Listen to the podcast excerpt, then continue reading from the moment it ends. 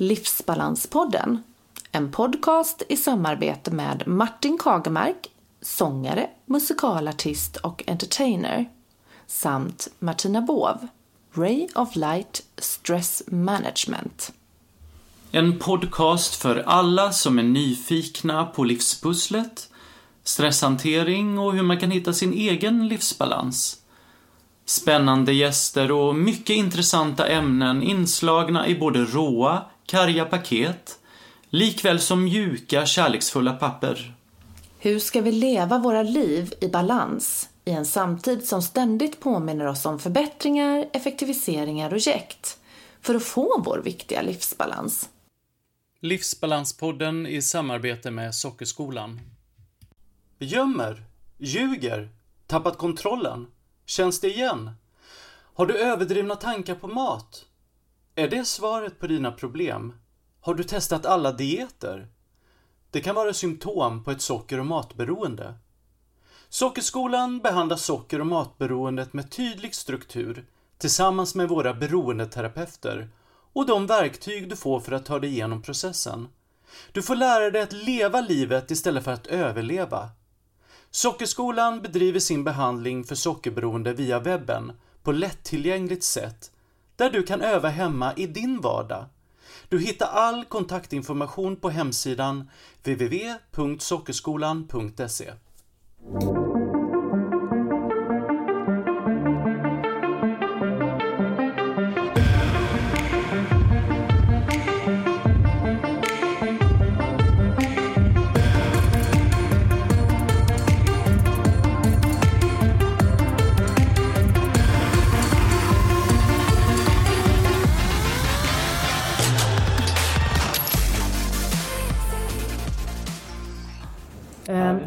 Men, men du Lena, vad var det som gjorde att du startade Ledarstudion från början?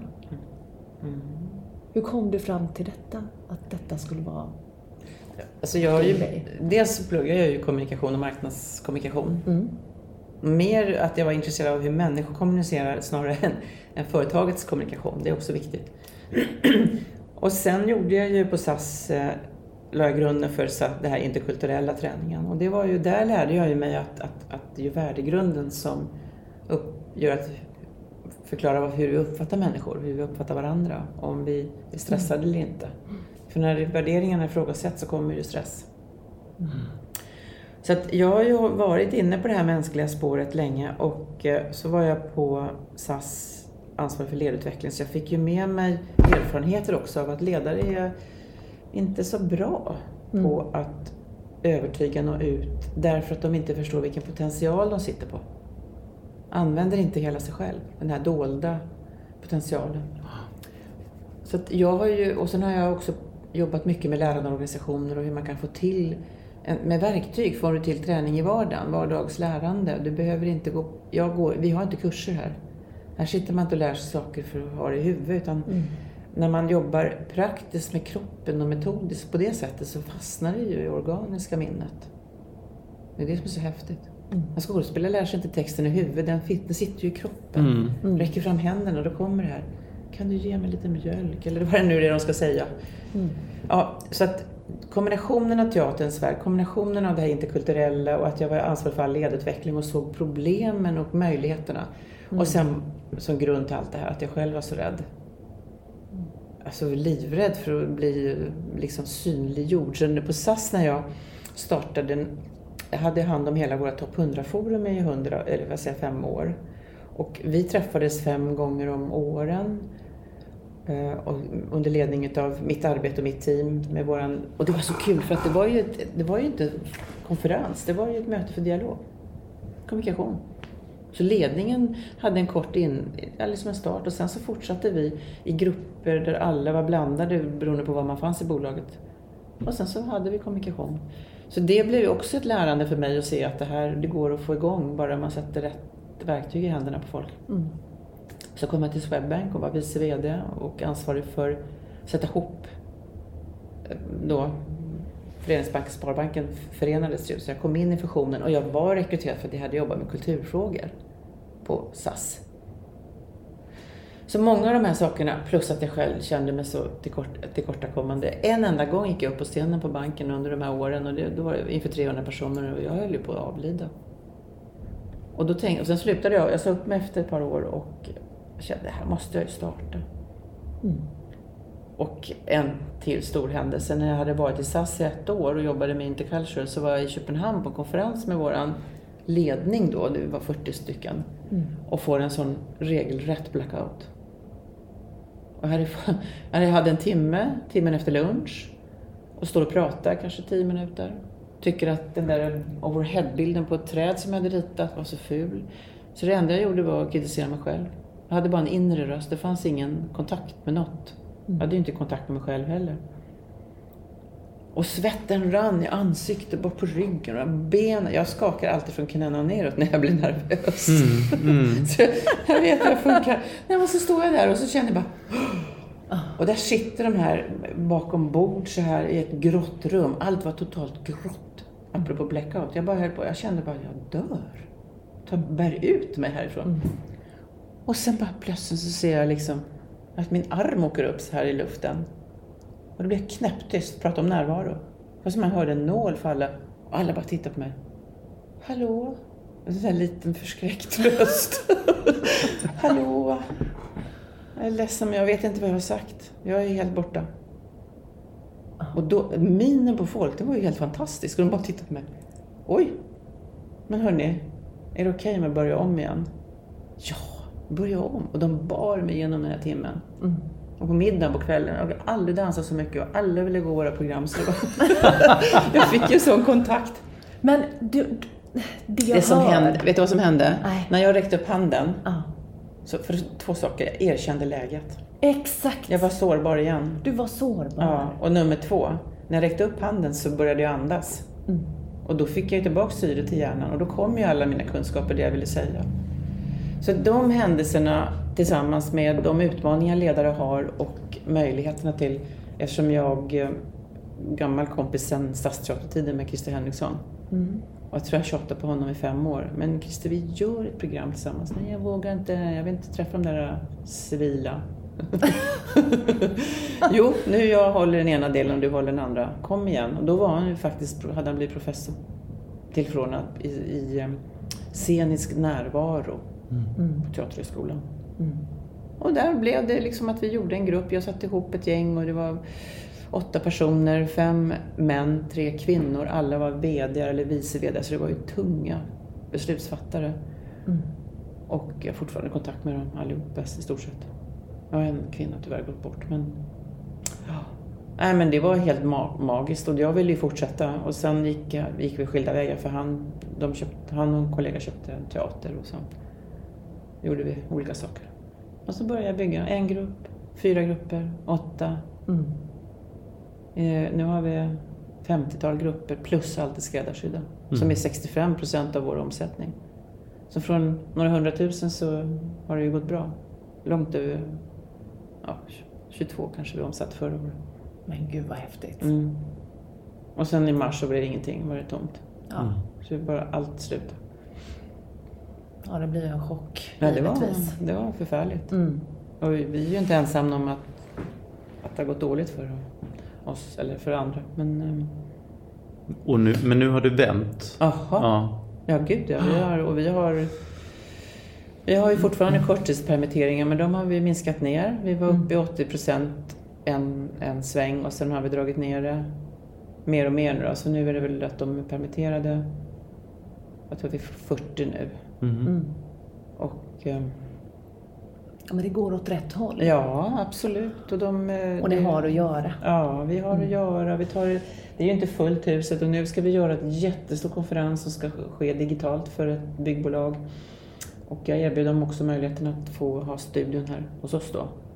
Och då kan vi ju, jag sa det till tjejen där, att, eh, Sofia, att vi har ju inte fulla hus så att vi kan ju gärna hyra ut eh, bottenvåningen eller någonting några dagar då för att rigga och genomföra den här. Vi tränar ju då de som ska vara med i mm. sändningen. Mm. Mm. Och om det är något som vi har utvecklat under, under de här, lära oss saker kring, så är det de digitala mötena. Och, och det är ju inte tv-sändning. Det är ju inte det. Och det är ju inte att filma av en som står och pratar bakom en, en talarstol. Det är ju ett interaktivt samtal. Mm. Och det är där vi har ju, vi har ju, vi sitter ju på ett krutdurk av liksom kunskap. För vi har ju kunskapen kring hur du når ut. Definitivt. Och hur du använder dig själv och hur du gör saker för att hela tiden ha en interaktivitet med de som lyssnar. Mm. Så det här bolaget med 40 000 tror jag, medarbetare kommer att sända två timmar istället för att de har den här vanliga konferensen för 400. Ja, vad häftigt. Mm. Då når man ju ut också. Mm. Mm. Vi har jag. stöttat dem i, de har ju vartannat år, så det är väl 15-16 år nu som vi har jobbat med dem. Mm. Kul. Kul va? Ja. Men du eh, Lena, kan du berätta lite om vad ledarskap eh, innebär i stort för dig? Vad är ledarskap? ja, men det är ju förmågan att få med sig människor naturligtvis. Mm. Chefskapet är ju någonting du, du, du hamnar i för att du får en roll. Mm. Och ledarskapet förtjänar du. Mm. För det finns människor som säger att eh, henne eller honom ja, vill jag följa. Och jag hänger på. Känner den här t- ja, tilliten, trovärdigheten. Så för, för mig handlar ledarskap om att sätta upp en, en riktning. Att vara tydlig med vart man är på väg och få människor att förstå och dela den här bilden, inte bara på papper utan förstå. Och få människor att vara med och verka. Och jag kan nog säga att delegera är ju inte abdikera. Nej. Men att få med sig människor att göra saker och att eh, känna delaktighet och kreativitet. Och... Alltså vi, så, det, jag kan bara titta på vårt gäng här. Jag, det är så aktuellt nu med Corona då, men där det blev kaos och kris och vi bestämde att alla skulle jobba hemifrån. Mm. Då såg vi till på en vecka att alla hade liksom uppdaterat på sina datorer och allt det här så att de kunde då med Teams och lära sig mötas i det. Mm. Men vi hade inte möte för att informera varje morgon. Varje morgon checkade vi in klockan nio. Och då var det frivilligt och alla var välkomna och kunde man inte, eller man, de var ju permitterade så att på ett sätt så var det ju också ett lärande för vi, jag skickade ut med varje kallelse ett nyckelord. Mm. Idag ska vi prata om omtanke. Så alla hade en minut att fundera och reflektera. Eller vi kan prata om eh, eh, Ja, det var massvis med sådana här ord. Då. Utmaningar, eh, kris, hur mår jag idag? Alltså, det var ju jättespännande för vi kom ju så nära varandra. Och jag kan nog säga att det finns ju en, psykologi kring det här när, när företag förflyttar sig. Mm. Men när det blir sån kris så måste någon peka med hela handen. Mm. Så är det bara. Och jag bara bestämde för nu gör vi det här varje morgon. Och den lilla tid ni jobbar då, om det var 40 procent i början eller någonting. Då hemifrån då förstås. Då ska ni ringa kunder. Nu är det, ni kan ju inte sitta och un, liksom ha undervisning eller liksom lära och träna människor. Och då fick jag det uppdraget. Och ni behöver inte sälja. För det är ingen som köper något. Utan ni ska bara visa en av våra tre värderingar och det är omtanke. Mm. Och så har vi mod och kvalitet. Gör det med kvalitet, var modiga. Skriv in i vårat, eh, på Teams hade vi en chatt och skriv in vad ni får för upplevelser av kontakterna. Mm. Och den mest, den största insikten alla pratade om det var att folk hade så, var så lyckliga att någon ringde och pratade om livet och allt möjligt. Mm. Folk som de har förtroende för oss liksom. Och att de fick möjlighet att prata. Och folk hade tid att prata. Så det var ju intressant. Och jag visste ju redan då att det där har vi glädje av på sikt. Ser du en skiftning eh, från innan coronan till efter coronan? Eh, I vad det tänker du? Hur? Nej, i hur eh, stressen Mm. eh, har förändrats. Jag, jag gjorde ett val och vi Mm. var ju en liten, alltså vår lilla ledningsgrupp. Vi, Mm. vi eh, hade diskussioner som man kan säga det var högt i tak. Mm. Och vi är väldigt olika alla fem. Och vi har en öppenhet att säga vad vi tycker och känner och vi diskuterade och vi enades om saker. Och när vi gick ut genom dörren så var vi totalt enade. Och jag bestämde mig, jag var inte ens en, det var inte ens en förhandling. Jag berättar vad vi ska göra och vad vi inte ska göra. För jag vet att när man sitter i båten och det skakar och man, man, man på något sätt är liksom så här rörigt, då behöver det vara en person som säger vad som gäller. Mm. Så vi var ju också väldigt noga med hur, direkt bara, hur, när ni sitter hemma och jobbar, acceptera inte att ni ligger i sängen med datorn eller att ni inte klär på er. Ni måste hitta den platsen där ni gör det som ett jobb. Och går dit och sätter er. Mm. Och behöver ni hjälp med belysning eller stolar eller någonting så säg till. Så jag var väldigt, jag var lite hård, men jag ville liksom, ledarskap är ju inte ett, ett läge bara, utan när det här var ett krisläge då behöver man sätta tydliga mål, det här gör vi, tydliga arbetsuppgifter och uppföljning. Mm. Så i och med att vi hade de här check-in varje dag så hade ju vi, delade upp oss mellan oss i ledningsgruppen vilka de också hade kontakt med på chatten. Så vi hade väl en fem, sex var. Mm. Och jag hade ju också gänget i ledningsgruppen. Så vi, ja, vi skapade en form för uppföljning, bekräftelse, stöd. Och alla visste att de kunde bara höra av sig när det var något. Och det är viktigt. Och det, det är en del, första delen i ledarskapet. Nästa del är ju när tydliga roller är satta för människor, de uppgifter man har. Tänk en vanlig verksamhet. Mm. Rollerna är tydliga, uppgifterna är tydliga, förväntningarna är tydliga och där startar ju en rollsökning. Mm. Oavkortat så börjar ju folk ifrågasätta både roller och ansvar och befogenheter och annat och även chefen. och om man är, i den, där krävs det mycket handledning som ledare. Mycket lyhördhet och successivt bygga någon slags psykologisk säkerhet i gruppen. För att då komma in i någon slags tredje fas där det finns en samhörighet och, och där är ju team högpresterande. Mm. Och jag kan titta som hållit på med det här i så många år nu, att de ledare som är lyhörda, som är öppna för att eh, blotta sig själva, Mm. sårbara, som jag säger, jag, jag, mod och sårbarhet tycker jag är de två viktigaste. Eh, Det finns ju allt mycket viktigt, men alltså de är viktiga. Mm. Att eh, alla visste. Och i början så var det var inte så att vi liksom, jag bestämde för att vi ska inte skrämma upp folk. Jag var tidigt så sa jag det att jag, jag längtar efter att vi ska fylla huset med folk och liv och det kommer vi göra. Men efter den här fruktansvärda perioden när jag började gråta och blev så rädd och ledsen och sen började det var inte alla som tyckte att det var helt okej att sitta och ringa runt och be om hjälp.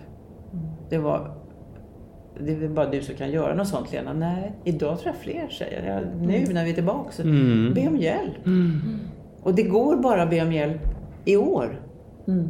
Jag har aldrig bett om hjälp förut. Jag kommer aldrig be om hjälp igen när saker börjar komma tillbaka till det normala.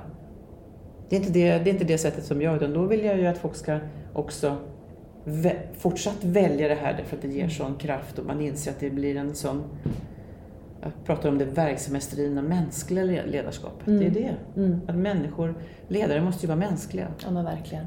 Det finns ju inget annat för mig. Och jag, om jag är ledsen en dag så då berättar jag det för folk. För annars ser de det i mina ögon. Och då kanske de tror att jag ledsnar på dem eller något. Men det, behöver jag ju, det kan jag ju röja undan. Mm. Jag är ledsen för att mina tjejer har det jobbigt eller vad det nu kan vara. Mm. Så det där är viktigt. Vi har ju gått in lite på det här, men varför är just ledarskapet så viktigt för att fokusera på ute på arbetsplatserna? Eh, Att, att man får, hur tänker du då? Att, att man måste Och varför är ledarskapet så viktigt att fokusera på? Ja. Men alltså det är ju där det händer, i stunden. Apropå närvaro då, att eh, man kan fånga upp. Men det, det blir ju missförstånd när det gäller ansvarsområden Mm, och roller och mm. annat. Och, och där är ju kommunikationen igen så viktig, att man vågar säga nej men nu vart det fel här. Mm. Mm. Ehm, vad kom det sig? Och att tillbaks till en, alltså, vår modell för feedback är ju Mm. ganska unik. Och att våga det, göra det här också, i vårt sätt att vara. Det är så litet bolag om man tänker sig 20 personer, men det behövs ju ledarskap på olika nivåer här också för olika roller eller områden. Mm. Och folk tycker ju om att få leda och styra och följa upp och, och liksom ha olika typer av... eh, Ja, känna att man får vara kreativ och hålla i saker. Ja, precis. Eh, kan du se något samband mellan krav-kontrollmodellen inom arbetslivsstress och ledarskapet Ja, men jag, när jag läste den, liksom, alltså jag tänkte på den här frågan nu. Mm, Jag fick ju lite underlag av er. Mm. Och vad tänker ni med krav och kontrollmodell? Är det att man, att man, att man ställer för höga krav på folk? Eller att, Precis. Ehm, modellen går ju ut på att ehm, du har ju, om du har för höga krav mm. men för lite kontroll som eh, arbetstagare, då är det väldigt, eller även som ledare, mellanledare, eh, ja, då har du ju ganska låg förmåga att kunna hantera situationen. Ja. Och då blir det väldigt lätt en stress då. Ehm, och eh, jag tänker, upplever du mycket, om jag ska formulera om frågan, upplever du mycket ledare som eh, känner att de inte riktigt klarar av sin roll där? Att de har lite för mycket på, på lite olika sätt? Mm. Är det därför de kommer hit? Eller vilka problem är det de eh, utmanas med i stort? Är det kommunikation? Ja, det är ju mycket kommunikationsförmågan att, att på flera sätt, men det har ju att göra med det här. Mm. För om jag skulle formulera om krav så skulle jag kunna säga att krav är nödvändigt för att det handlar ju om att vi sätter upp en riktning. Vi har en vision, sätter upp en riktning. Det var ju som när jag sa att vi ska fylla huset igen. Mm. Det är det enda ni ska tänka på när ni börjar prata med kunder idag. Och eh, visionen kring det och vad är det för mål vi kan bryta ner. Och, och där är, det är ju krav. Mm. Vi har ett x antal personer som ska in i de här grupperna i höst för att vi ska kunna gå runt. Och kontrollen, vad är det? Ja, det är ju uppföljning. Ja. Men tyvärr, det, det som jag tycker då kan vara ett, en bristvara bland ledare, det är ju att när man följer upp så måste man också bekräfta Mm. och uppskatta människor. Och, och ledare själva får ju väldigt lite uppskattning. Det, är ju, det, säger man, det vet jag ju att VD det är ju väldigt ensamt på toppen. Mm. Om man har högre. Och, det blir, och, det, och så kommer de till oss och så plötsligt när man står där på scenen, om man nu får nämna något om den här feedbackmodellen vi har, så är det tre U, Un som faktiskt börjar på. Det första är att vi utmanar ju människor att, att göra saker på olika sätt. Och när de gör det här, vi liksom lägger in frågor och vi säger, men ta det en gång till och så prova det här. Det blir, det blir ett utforskande. Mm. Att de prövar och forskar lite på sig själva med hjälp av oss då, vår guidning. Och så kommer till sista, det är uppskattning. För att när folk sliter och man plötsligt ser tårarna komma, Mm. det är inte frågan om prestation här och de är ju här för att få göra fel. Mm. Och det är väl den största bristvaran också i vårt näringsliv, att det är så, man får inte göra fel. Nej. Eh, Kraven bara, och, och då kan man ju också, nu får jag massa tankar här, men kraven kan ju också komma inifrån. Definitivt. Därför att man inte har kommunicerat rätt förväntningar. Att ledarna har hittat, hi- inte hittat rätt. Men ni behöver inte göra mer nu i vår när ni ringer till kunderna. Ni ringer bara för att visa er omtanke. Och då plötsligt så, jaha. Och alla har hållit på och ringt och ringt och ringt och inte behöver känna att de måste sälja. Jag ställer inte det kravet då. Men nu har det vänt. Nu måste vi fylla grupperna. Mm. Så nu kom det kravet. Och det är fine. Mm. Men det är krav, det är ett mål. Mm.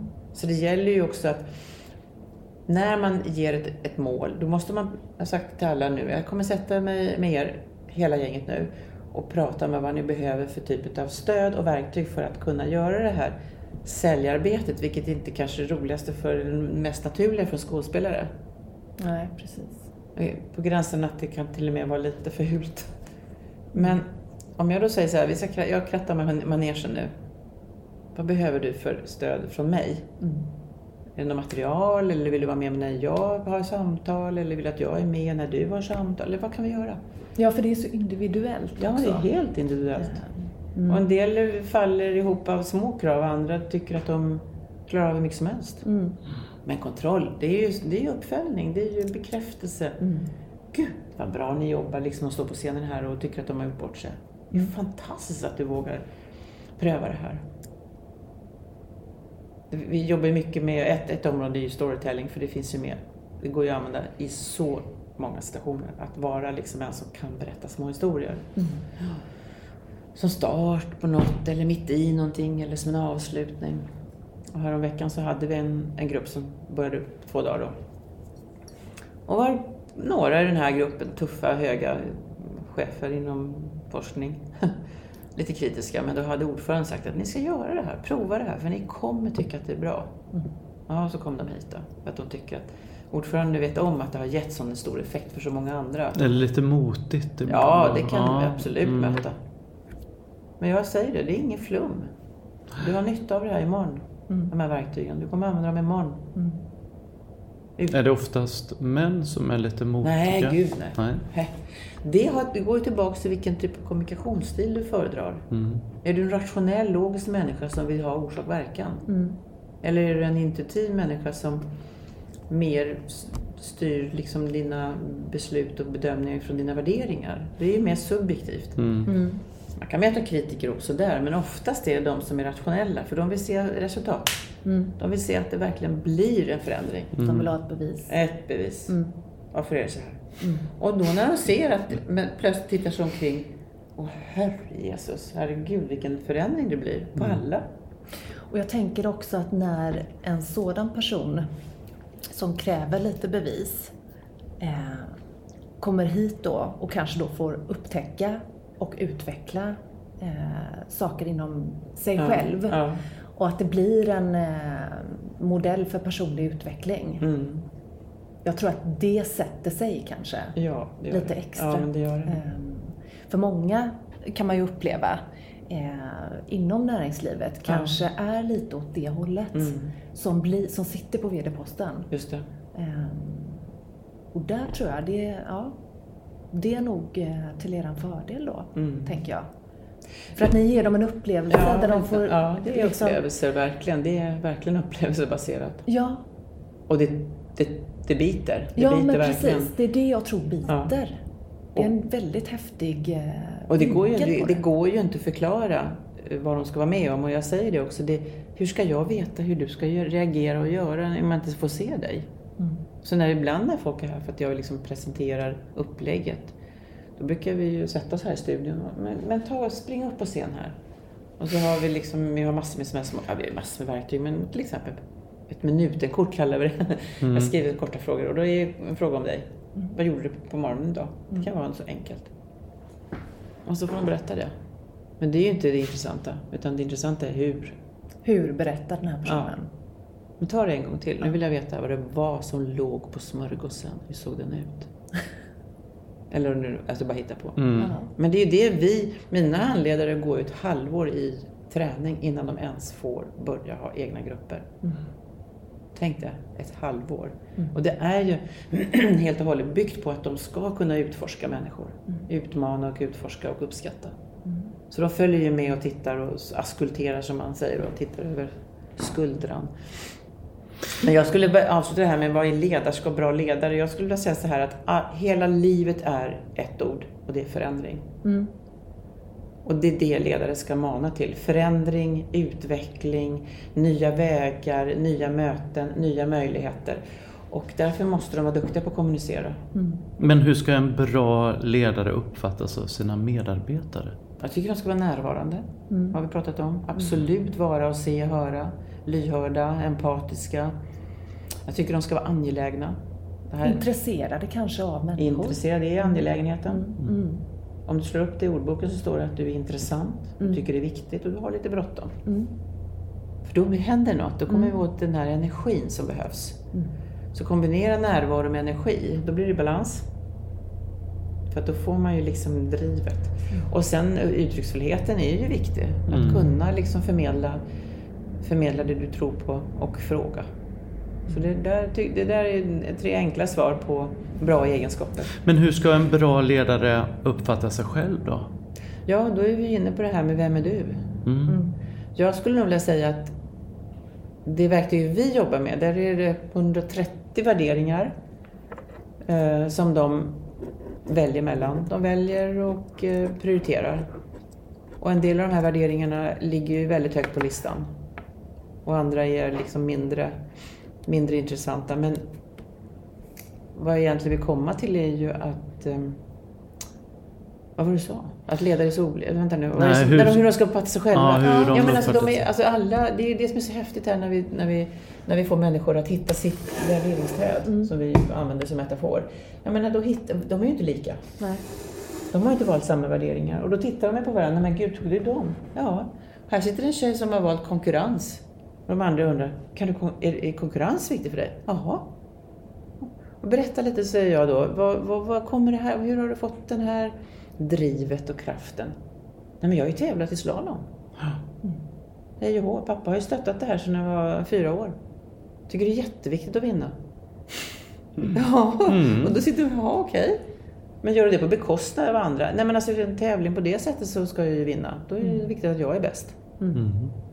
Och nu, nu, nu är jag inne på ett område som är intressant för att unga människor idag har inga problem med att säga att jag vill vara bäst. Nej. Jag, ge mig det här, för jag behöver det här. Väldigt vassa armbågar. Mm. Det är jätteintressant. Vi är ju inne i en, ett skifte, kan jag lugnt säga. Mm. Där individualismen och allt det som det för med sig med sociala medier och annat har gjort att människor har, glömmer ibland bort att vara ödmjuka. Usch, nu kanske jag säger något dumt, men det är ju så. Nej men jag tycker likadant. Ja, bra. Så det- Definitivt. Vi ser samma, Vi ser samma mönster. samma mönster. Ja. Ja. Så är det. Så det är klart att det är bra om människor förser. Jag jobbar ju med ett, av, alltså ett avsnitt som vi kallar det personliga varumärket. Och det gör jag i alla våra, de här Top Executive-programmen, storartade led, där jag är med i varje grupp. Och det gör jag, det tar en, en halv timme. Och jag ger dem ett superbra verktyg som vi går igenom. Och det, det, det, det, det lär dem att förstå liksom hur de ska tänka. Sen så, så, det är många som säger när jag träffar dem dagen efter, så här, Gud, jag fick ju verkligen något att tänka på. Men jag, när jag säger så här, det här passet handlar om det personliga varumärket. Skriv ner nu i era böcker vad du får för tankar och känslor kring det här begreppet. Och det är ju verkligen ros och ris. En del tycker det är bara uh, jättejobbigt. Andra säger, men det här är det riktiga som finns. Och sen när vi har när liksom jag går igenom det här, så då säger jag så här, jag kan nog förstå om det är några av er som inte tycker att det är ett bra begrepp, för att jag är inte en vara. Varumärke. Jag är inte en produkt. Men kanske är man, blir man en produkt. Eller, alltså det är, då blir det liksom istället värderas orden. Så många gånger landar vi i det personliga, den personliga profilen. Mm. Och det är ju tillbaka till din fråga. Att Mm. Verkligen, du måste veta vem du är. Mm. Hur ska du kunna leda någon annan om du inte vet vem du är? Nej. Du måste ju leda dig själv för att kunna leda någon annan. Mm. Den tesen har jag drivit sedan jag var på SAS. Syrgas till Ja. sig själv först ja, ja. och sen till andra. Mm. Om ni vill komma i kontakt med oss angående Livsbalanspodden eller andra uppdrag så finns vi på livsbalanspodden gmail.com och Livsbalanspodden på Instagram. Eller var och en på martin.kagemark telia.com eller via min hemsida martinkagemark.com. Och mig Martina på martinabov gmail.com eller på Instagram Ray of Light Stress Management.